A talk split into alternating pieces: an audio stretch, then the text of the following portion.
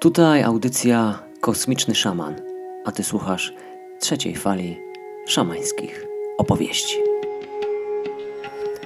Gwiezdny szlak nieskończoności na skrzydłach motyla przepływam, rozrzuconych w atramencie iskier czystym blaskiem oddycham. Docieram w nieodkryte widoki nowe, podziwiam. Przemierzam coś na kształt troposfery.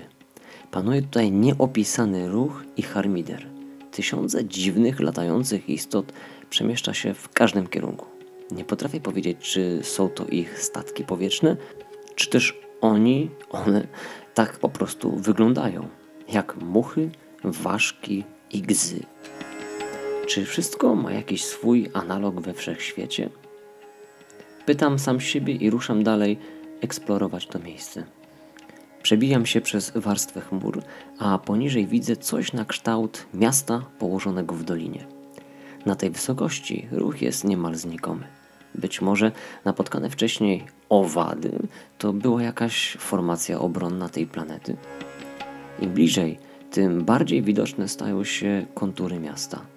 Zdaje się, że wszystko jest tutaj bardzo geometryczne, symetryczne, a prym wiedzie forma kwadratu.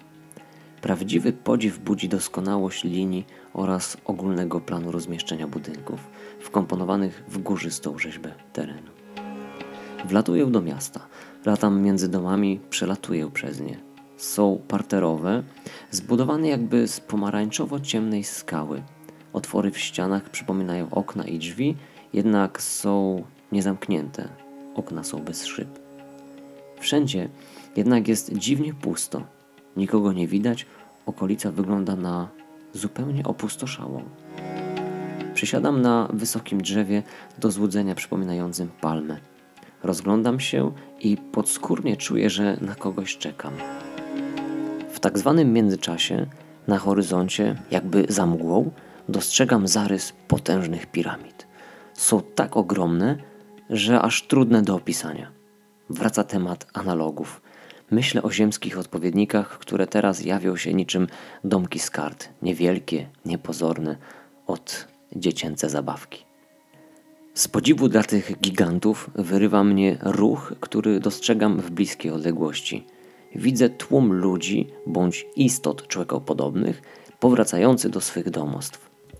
Naraz czuję wzrok jednej z osób będącej w tym tłumie. Widocznie to na nią czekam. Niezwykłe jest to, że w tej żywej masie teraz już widzę tylko ją i jej oczy. Zlatuję w dół i przysiadam na dziedzińcu jednego z domów. Nie wiem skąd, jednak jestem przekonany, że tutaj właśnie się spotkamy. Jest, oto i ona. Wygląda jakoś dziwnie znajomo.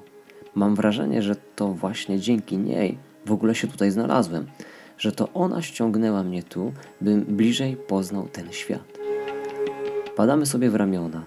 Ona nie traci czasu i trzymając mnie za dłonie, opowiada o tej planecie i istotach ją zamieszkujących. Mieszkańcy tego miejsca są budowniczymi, architektami, eksperymentatorami. Lubują się w matematycznych zależnościach wszechświata. Biorą pod lupę jakieś zjawisko i rozpisują je w matematyczne wzory. Następnie, na bazie tych wyliczeń, są w stanie stawiać niemal nieskończenie wielkie odpowiedniki. Stąd widziałem statki powietrzne w formie owadów, stąd wszechobecna geometria w dużej skali. I mimo iż wszystko robią sami, nie robią tego z użyciem siły fizycznej. Są dużo bardziej subtelni niż chociażby Ziemianie, bardziej wyrafinowani.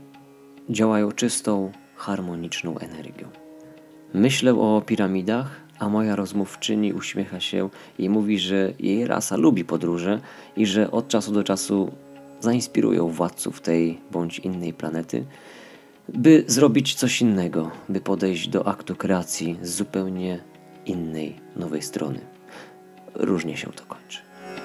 Teraz to miasto żyje. Wszędzie jest gwarno, wesoło, jednak bezpiecznie i spokojnie.